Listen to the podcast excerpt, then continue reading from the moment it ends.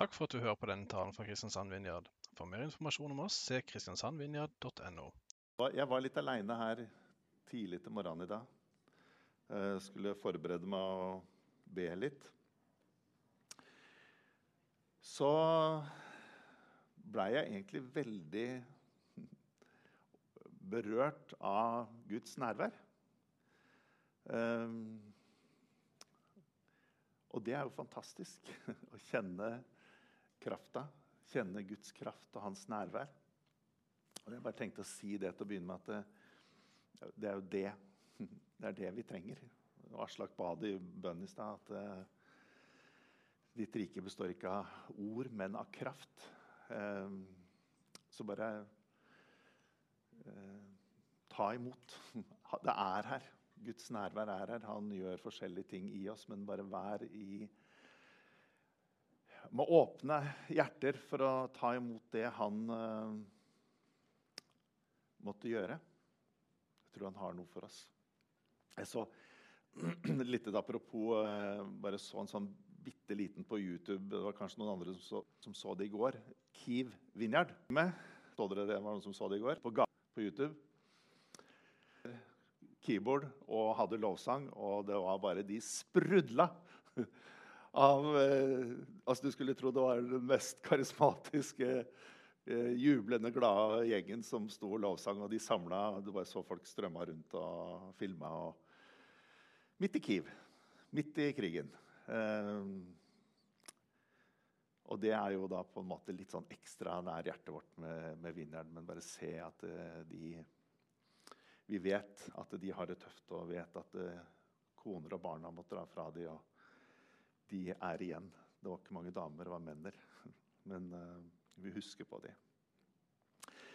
Er det noen av dere som har eh, sett på eller hørt om Kompani Lauritzen? Ja. Og da, da, er jo den derre store visjonen til Dag Nei, Dag Otto Lauritzen.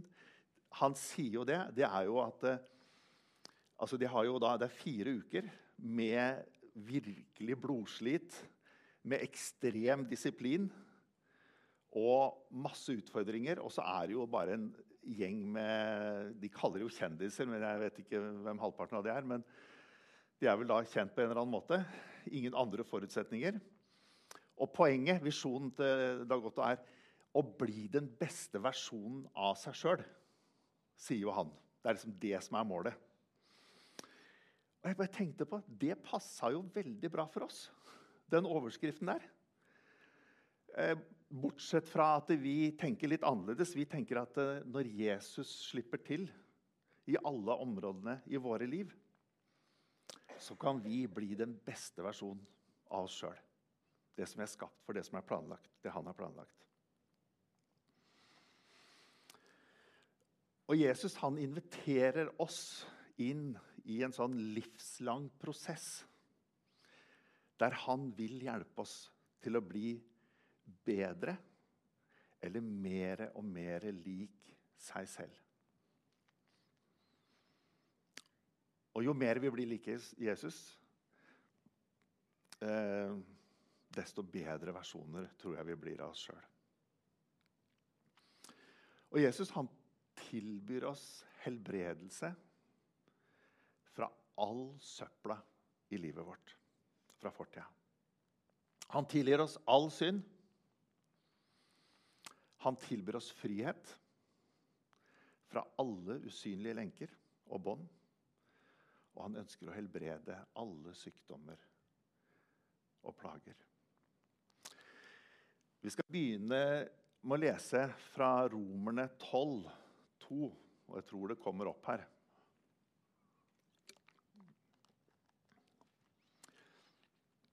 Der skriver Paulus.: Innrett dere ikke etter den nåværende verden, men la dere forvandle ved at sinnet fornyes, så dere kan dømme om hva som er Guds vilje, det gode, det som er til glede for Gud, og det fullkomne. Paulus sier litt med andre ord at ikke vi skal la oss forme Det står, eh, det står 'innrett'. altså det, det ordet er egentlig 'la dere ikke forme av den verden som er rundt dere', men bli forvandlet ved at sinnet fornyet, fornyes. Og det ordet eh, 'forvandle' som står der eh, Det greske ordet, det opprinnelige ordet som er i grunnteksten, det er metaformose. Metaformose. Det er noen som har hørt det? Ja.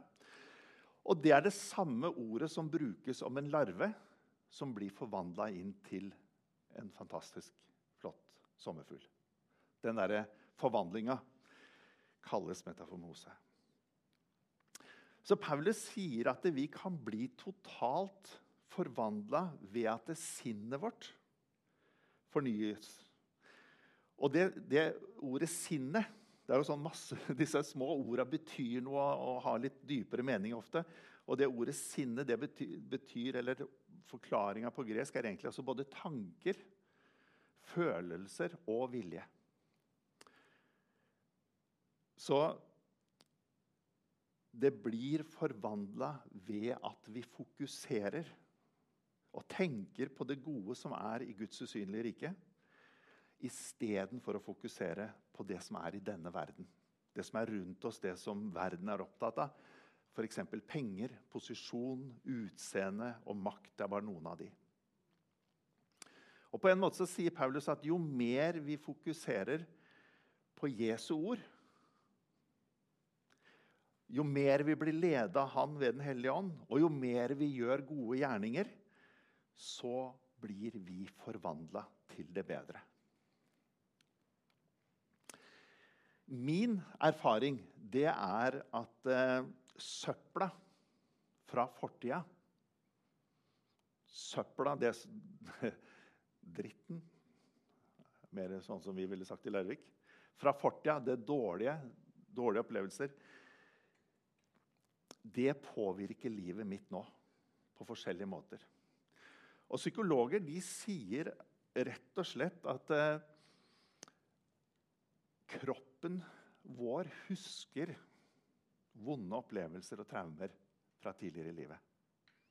Det, det, sier de som kan noe om dette og forsker på det. De bruker forskjellige ord, men poenget er at kroppene våre, fysiske kroppene våre husker det. Vi blir syke, både psykisk og fysisk, av dårlige ting som har skjedd i fortida. Et lite eksempel.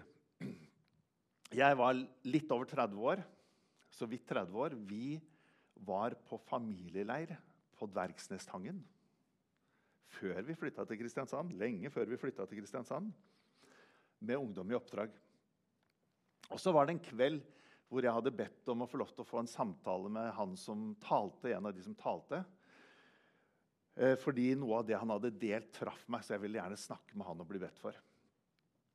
Så vi prater sammen, og jeg forteller litt hva jeg trenger, og, og så sier han la oss, kan vi ikke bare be og spørre Den hellige ånd? Spørre Jesus hva han gjør, hva han sier akkurat nå? Og så er vi litt stille, og så sier han følgende Torbjørn, har du lett for å bli såra? Og jeg tenkte noen sekunder. Og så kunne jeg ikke huske en eneste gang i mitt 30-årige liv at jeg hadde blitt såra. Så jeg sa nei, det tror jeg ikke. Altså, Jeg kunne ikke huske en eneste gang jeg hadde blitt såra når han spurte. Eh, OK, sier han. Eh, men når vi ba, så sa han, så følte jeg så et bilde av deg. Og det bildet var at du var liten gutt. Du var ute på jordene sammen med pappaen din. Forresten, kommer du fra gård? Ja, jeg kommer fra gård. Så jeg så deg ute på jordet sammen med pappa, og så fikk du straff for noe du ikke hadde gjort. Jeg kunne ikke huske det. Og så sier han, kan jeg be inn i det? Be om at Jesus skal helbrede de såra og de konsekvensene det fikk for deg. Ja, det vil jeg gjerne. Og mens han ba så sier han noe som jeg syns var kjemperart den gangen. jeg synes fortsatt det er litt rart, Så sier han at eh, er det OK at jeg på vegne av pappaen din ber om tilgivelse? Hva skulle jeg si? Ja.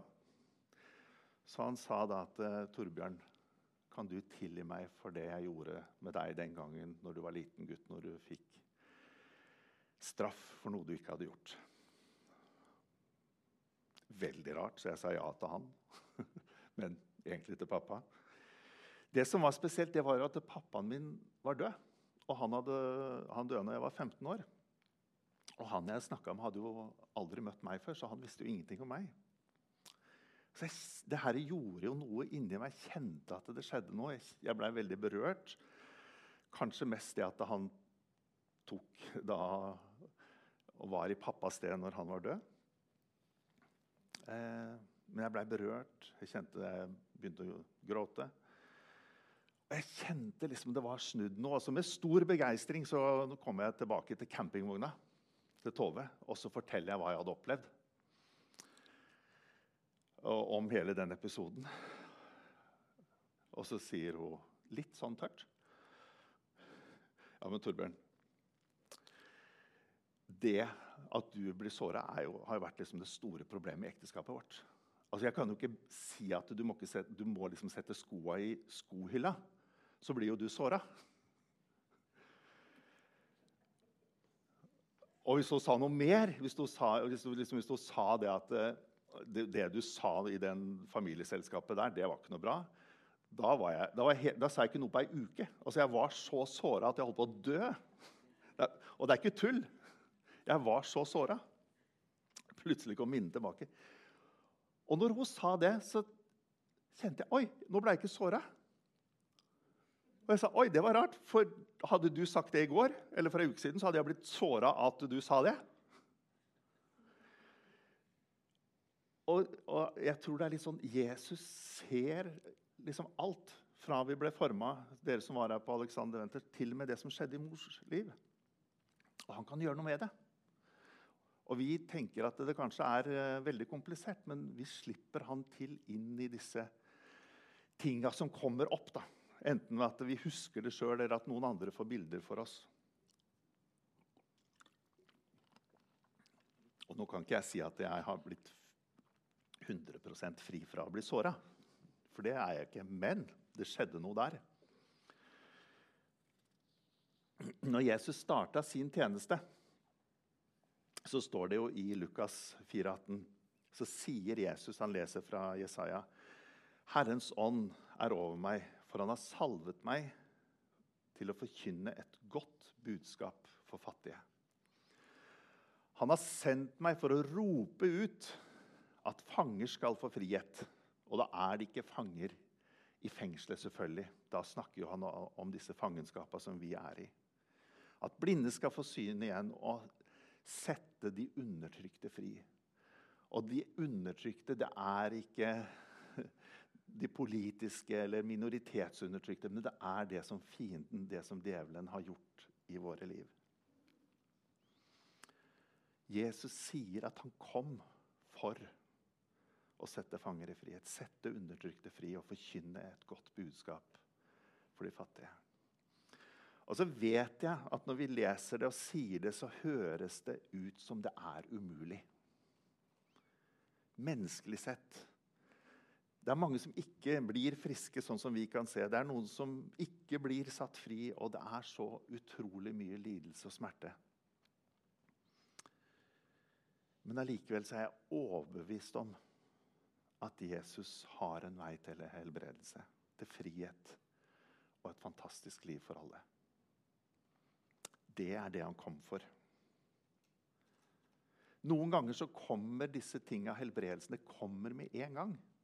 Noen ganger så går det over tid, noen ganger så tar det uker og måneder og år. Men Jesus sier at vi skal ikke gi opp, men vi skal bare fortsette å be. Fortsette å søke Han og spørre Han. I Johannes 8, 31-36 så står det egentlig en fantastisk historie. Veldig eh, egentlig som handler litt om det samme, men jeg skal lese den. Jesus sa da til de jødene som var kommet til tro på han, Hvis dere blir i mitt ord, er dere virkelig mine disipler. Da skal dere kjenne sannheten, og sannheten skal gjøre dere fri. De sa da til han, Vi er Abrahams ett og har aldri vært slaver for noen. Hvordan kan du da si at vi skal bli fri? Jesus svarte, Sannelig, sannelig, sier jeg dere. Den som gjør synd, er slave under synden. En slave blir ikke i huset for alltid, men en sønn blir der for alltid. Får Sønnen frigjort dere, blir dere virkelig fri.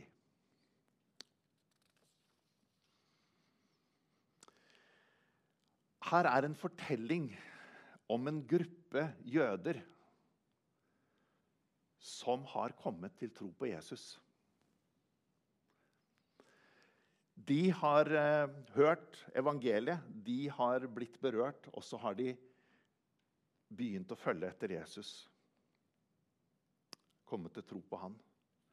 Og så underviser han de om viktigheten av hans ord. Det å høre og lære ordet og leve etter det.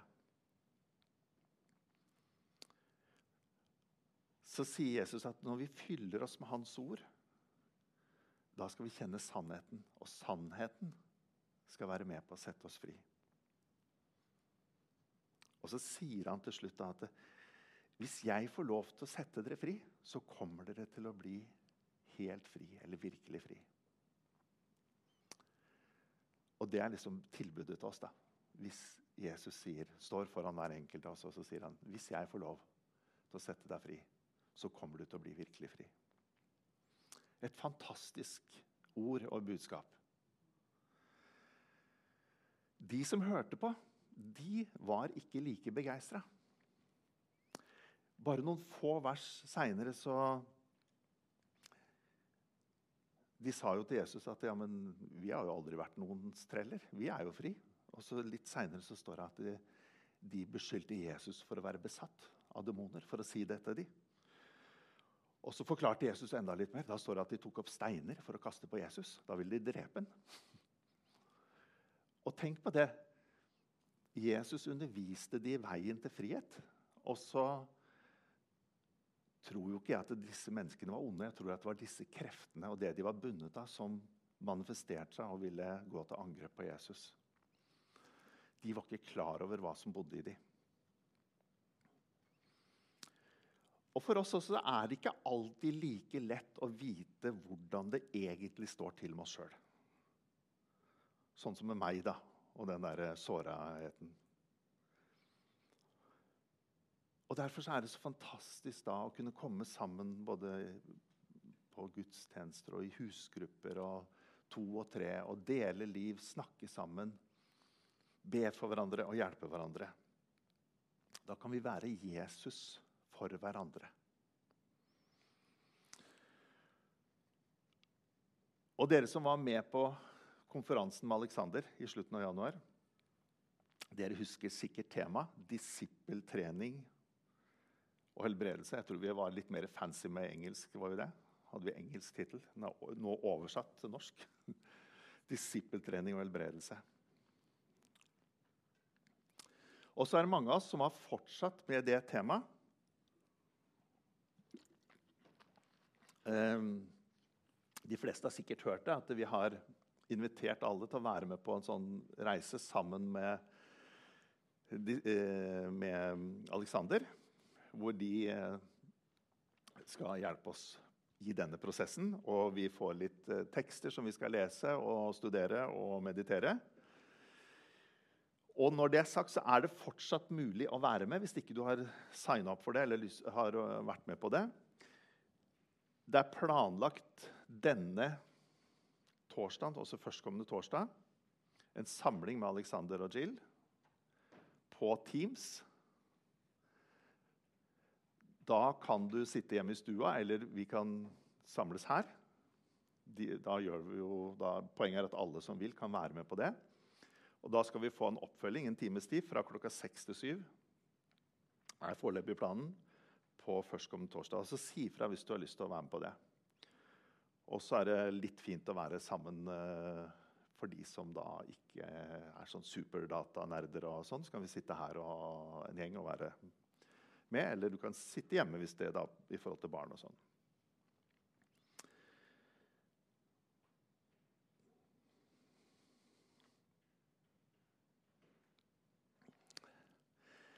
Jeg vet ikke om det er bare meg, men jeg syns det er litt vanskelig å få lagt meg til nye, gode eller bedre vaner. Og Tove også. Det er flere. Jesus, Jesus tar det på kornet og så sier han at eh, ånden er villig, men kjødet er skrøpelig. Og da husker jeg, altså når, jeg, når jeg leste det, så bare så jeg et sånt bilde fra Donald Duck. Og de tar ting på kornet, og da var det et eller annet med Donald som skulle gjøre noe. og som han da var så, Det var så vanskelig for han, så da sier han at eh, det var noe han skulle gå og gjøre. Så sier han at eh, ånden er villig, men beina er skrøpelig. Han fikk seg ikke til å gå og gjøre det.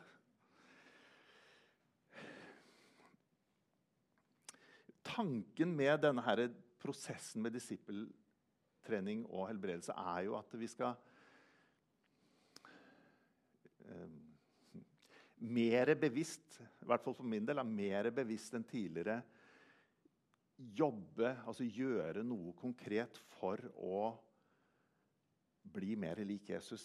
Eh, jeg tror alle vil det, alle ønsker det. Og så er det det å ønske det Eh, gjør nødvendigvis ikke noe med det. Vi blir ikke bedre av å bare ønske det eller ville det.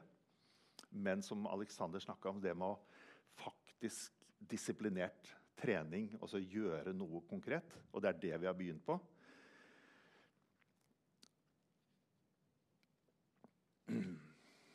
Så det vi har gjort hittil, er jo at vi har fått nye tekster hver uke. Uh, jeg har fått også fra Alexander for den uka som kommer. sånn at Vi sender den, vi har også en gruppe, Facebook-gruppe hvor det legges ut hver uke. Så det kommer ny tekst i dag som vi skal da meditere på, lese, snakke om, gjerne lære utenat. Og det er jo superviktig, dette her med å lese i Bibelen. Bruke tid i bønn og i fellesskapet. Men det som har talt til meg, er at det, for å bli mer lik Jesus, så må jeg også gjøre det Jesus gjorde. Altså ikke bare høre om det eller lese om det eller lese Bibelen, men jeg må også, poenget er at jeg også skal gjøre det Jesus gjorde. På den måten han gjorde det. Helbrede syke. Sette mennesker fri fra demoniske plager. Forkynne evangeliet. Når gjør vi det? et, li, et lite sånn hopp. Dere vet, de fleste tror jeg, vet at jeg er over middels interessert i å fiske. Det var ikke noe sjokk. Dere har hørt om det.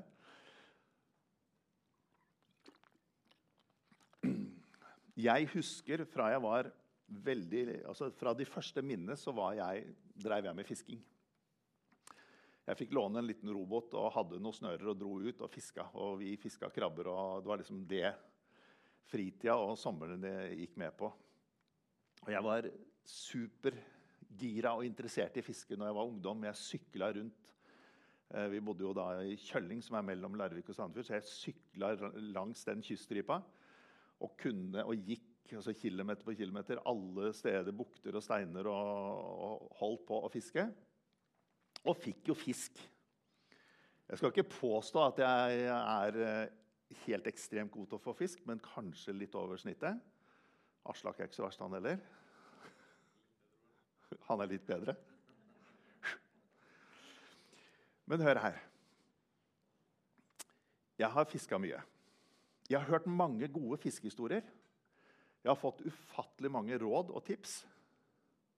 Jeg har sett på mange fiskeprogrammer og friluftsprogrammer og YouTube-klipp om fisking. Men mest av alt så har jeg prøvd det ut. Jeg har testa det ut. Jeg har faktisk fiska. Jeg tester ut disse her ideene jeg får i hodet. Jeg ser på kartet så tenker jeg, kan det være fisk der. Jeg har fått tips. Når vi kom til Kristiansand så, og snakka med noen som var interessert i fisking, så sa de at det, Nå skal ikke jeg prøve å si, snakke på Kristiansand, men det de sa til meg, de som kunne med fisking, det var at det, glem det å fiske hvis det er nordavind. Fralandsvind, da er det null fisk å få. Det var noen som kunne fisking, så de sa det er helt umulig. Du får ikke fisk når det er nordavind eller fralandsvind. Og andre sier at du skal ikke fiske når det er, eh, går mot flo. Altså Når vannet er på vei nedover, da er det også dårlig å fiske. Du skal fiske når vannet går oppover. Så liksom All den informasjonen og alt jeg har sett og lest, det har jo blitt gjort om til at jeg har faktisk prøvd å teste det ut. Og jeg er jo sånn som ikke gir meg på det at det er nordavind, så jeg bare drar lenger ut og får jo masse fisk også når det er fra landsvind.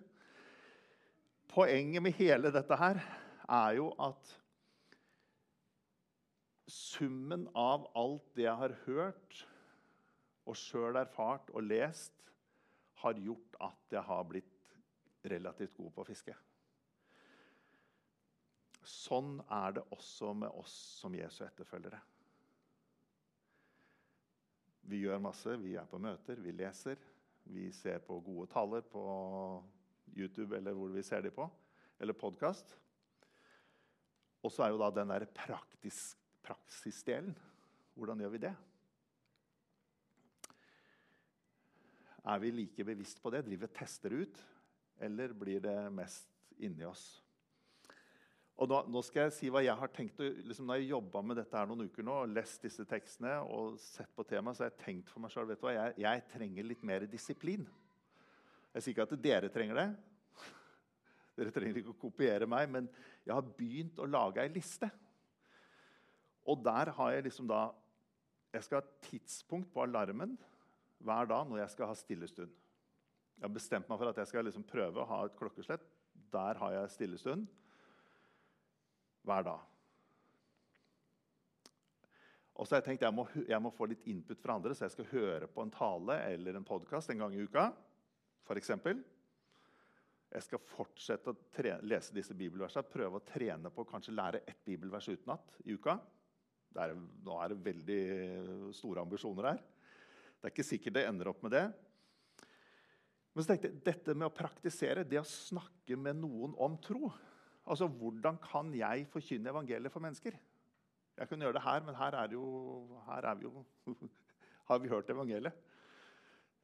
De fleste av oss tror jeg har hørt og er kristne. Men nye mennesker, hvordan, kan, hvordan kan jeg fange ny fisk? Og da har jeg tenkt at ja, jeg skal utfordre meg sjøl på det å si at det, kanskje en gang i måneden liksom ha som mål, i hvert fall en gang i måneden, snakke med noen nye om tro. Det burde jo kanskje være minst en gang i uka. Eller be for syke, eller helbrede syke. Eh, vi har en, det er en som er, eh, har vært misjonær i Vinjard oppe i Trøndelag. Han er øyelege. Og når han da hadde tatt utdanninga, så han da, eh, hadde en praksisperiode på St. Olavs i Trondheim.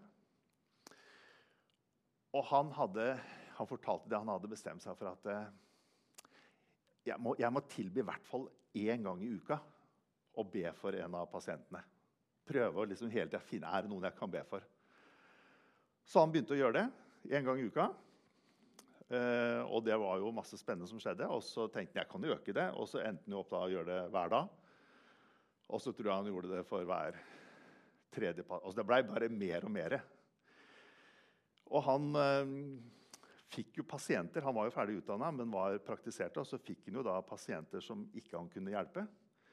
Og så sier han da Forresten, jeg har en venn som driver med helbredelse. Uh, som er i Trondheim videre, Per Christian. Eh, hvis du vil, så kan du dra til han. Så kan han kanskje Så han rekvirerte da taxi på, på sykehusregninga og sendte pasientene til Per Christian sånn at de kunne be for han. Og det blei litt bråk, da. Han blei klaga inn til Fylkesmannen. For det var jo ikke alle som syntes det var like kjekt å få tilbud om å bli bedt for eller få helbredelse når de gikk til legen. Men han slapp unna. Eh, det var ingen, ingen klager som ble tatt til følge. og Han var en veldig dyktig eh, lege, tror jeg, så de vil gjerne beholde den. Men poenget, da Han satte seg mål for å praktisere det å be for syke eller helbrede og snakke om tro.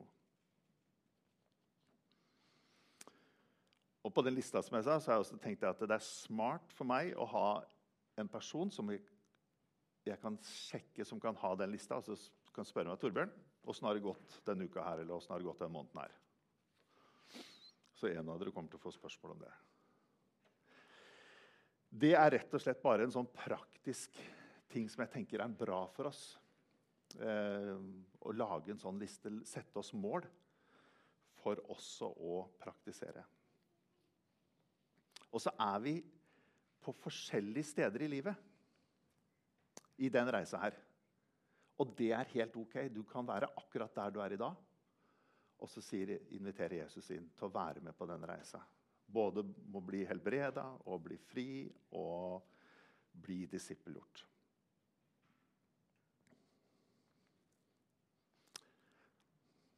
Da er jeg ferdig.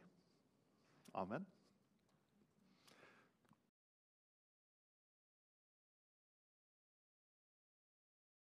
Takk for at du hørte på denne podkasten. Ta gjerne kontakt med oss via vår Facebook-side Kristiansand Vinjard, eller besøk oss på Vågsbygd Ringvei 100 i Kristiansand. For mer informasjon om hva vi gjør og hvordan du kan bli involvert, gå inn på kristiansandvinjard.no.